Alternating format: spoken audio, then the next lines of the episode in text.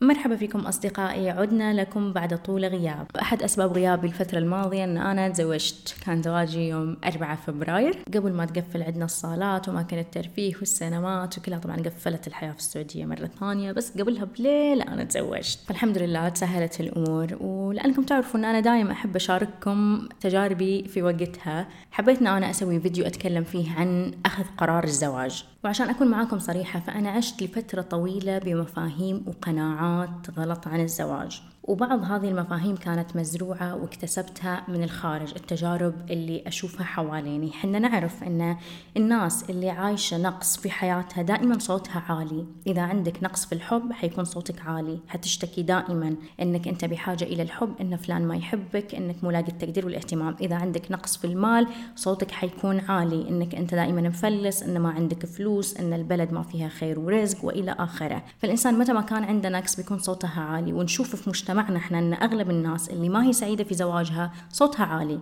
إحنا نعرف ونسمع عن الناس اللي تعيسة في زواجها لكن الناس السعيدة دائما تكون ساكتة لأن سدت حاجة الحب عندها، بمجرد إن إحنا نسد الحاجة عند أي شخص أي إنسان بيسكت بينخفض صوته. هذه أحد الأسباب. والسبب الثاني أن كنت وين ما أطالع حواليني أسمع عن حالات طلاق وانفصال أساسا في السعودية السنة الماضية سنة 1441 قدر عدد صكوك الطلاق اللي يتم إصدارها يوميا من 106 إلى 287 صك. يعني تقريبا ما في بيت يخلى من وجود أحد مطلق. لكم أن تتخيلوا هذا العدد الهائل المخيف اللي يخلي الإنسان يفكر ألف مرة قبل ما ياخذ هذا القرار. والسبب الثالث اللي ودي أذكره إنه ما التقيت أو ما جاني الإنسان اللي اقتنعت فيه على الأقل 80% حسيت معاه بالقبول بالتوافق نسبة 80% لأن أنا عندي نظرية أن إذا لقيت إنسان أقدر أتفق معاه بنسبة 80% فال 20% الباقي هذه it's okay okay. اختلافات طبيعية بين أي بشر. إحنا نعيش مع أهلنا في بيت واحد من أخت من أب من أم وباقي تصير المشاكل يصير سوء الفهم. فكيف تبي تتزوج شخص من بيت مختلف بيئة مختلفة تربية مختلفة وما يصير بينكم أي تحدي أو أي سوء فهم؟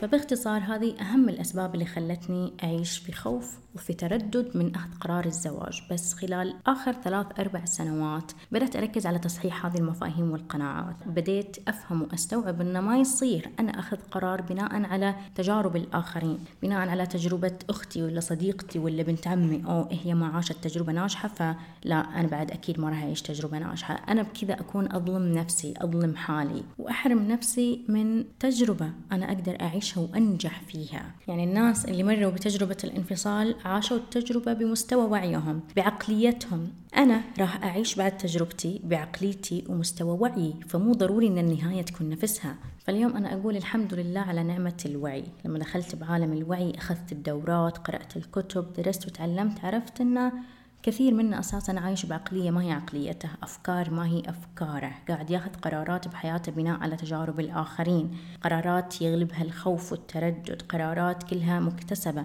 من تجارب الآخرين. فخلوني أقول لكم أهم الكتب والدورات اللي أخذتها خلال السنوات الماضية. هاتوا قلم ورقة وسجلوا عندكم أسماء الكتب. منها Find the Guy Act Like a Lady Think Like a Boss. Why Men Love Bitches? Straight Talk No Chaser.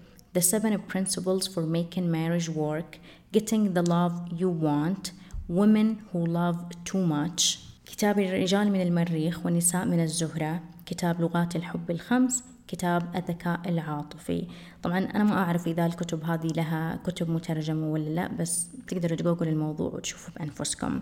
وبس حابة أنوه أن مو كل هذه الكتب توافق ثقافتنا وأفكارنا الإسلامية لكن إلا ما تطلع من كل كتاب بفائدة تخدمك بطريقة ما. أما بالنسبة للدورات اللي أخذتها فأنا درست نظرية الاختيار مع دكتور خالد المدني. أخذت دورات تنظيف مع دكتور سمية الناصر للتخلص من المشاعر السلبية المختلفة. دورات هند محمد عن الزواج ونية الزواج دورة الشفرة الروحية مع أستاذ نور عزوني. وراح أسجل لكم كل هذه المعلومات تحت في ال description box. وخلوني أقول لكم إن ما في كتاب معين أو دورة معينة راح يقلب حياتك مئة بالمئة. لا الموضوع يصير بالتدريج. أنت تمتص العلم بالتدريج تتغير قناعاتك ومفاهيمك بالتدريج. فاعطي نفسك كل الوقت. بعد من الأشياء اللي أبغى أنصحكم إياها إنكم تكتبوا صفات الشريك اللي تتمنوه في حياتكم. هاتوا قلم وورقة واكتبوا كيف أنتوا تبغوا يكون شريك حياتكم.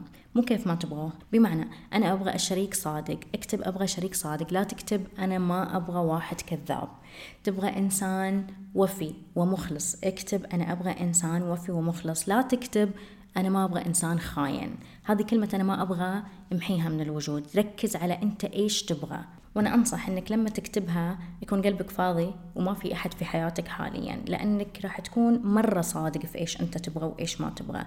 ما راح تجامل. بتشوف نفسك بحقيقتها هي اللي قاعدة تتكلم. لكن لو كتبت هالصفات وأنت أوريدي في حياتك شخص ما بتلاقي حالك راح تكتب صفاته هو. فاكتبها بدون مجاملات وما يكون أحد في قلبك. ومستقبلا متى ما تعرفت على أي أحد متى ما جاك أي شخص في حياتك تشوف فيه potentials بأنه يكون يعني your future partner شريك محتمل قارن بين الصفات هذه اللي كتبتها وبين الشخص اللي قدامك. إيش مدى التوافق بين الشخص اللي أنت تتمناه وتبغاه وبين الشخص اللي قدامك؟ فمثلا ناخذ مثال. أنت كتبت في الدفتر حقك إن أنا أبغى شريك صادق لكن اللي قدامك إنسان كاذب. كذب عليك في كذا موقف سمعت إنه إنسان كاذب لكن صفاته الثانية كلها أوكي فيه توافق مع الصفات اللي أنت كتبتها. فهل أتغاضى الآن وأمشي الموضوع ولا أتمسك بمبدئي كل أهل الوعي والمدربين راح يقولوا لك تمسك بمبدئك لأن مثلا أنت كتبت الصدق في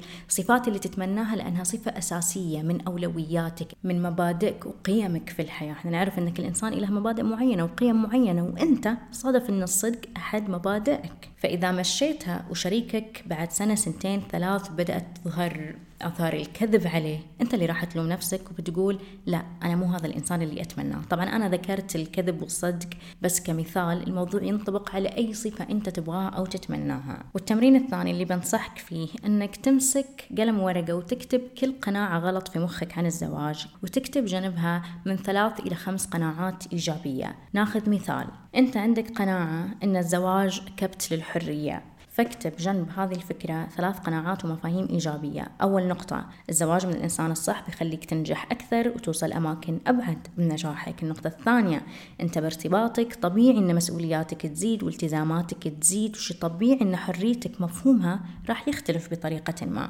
والنقطة الثالثة الزواج عبارة عن شراكة بين طرفين فحتى الحريات راح تكون محدودة باتفاق ورضا الطرفين. هذا مجرد مثال سويناه سوا.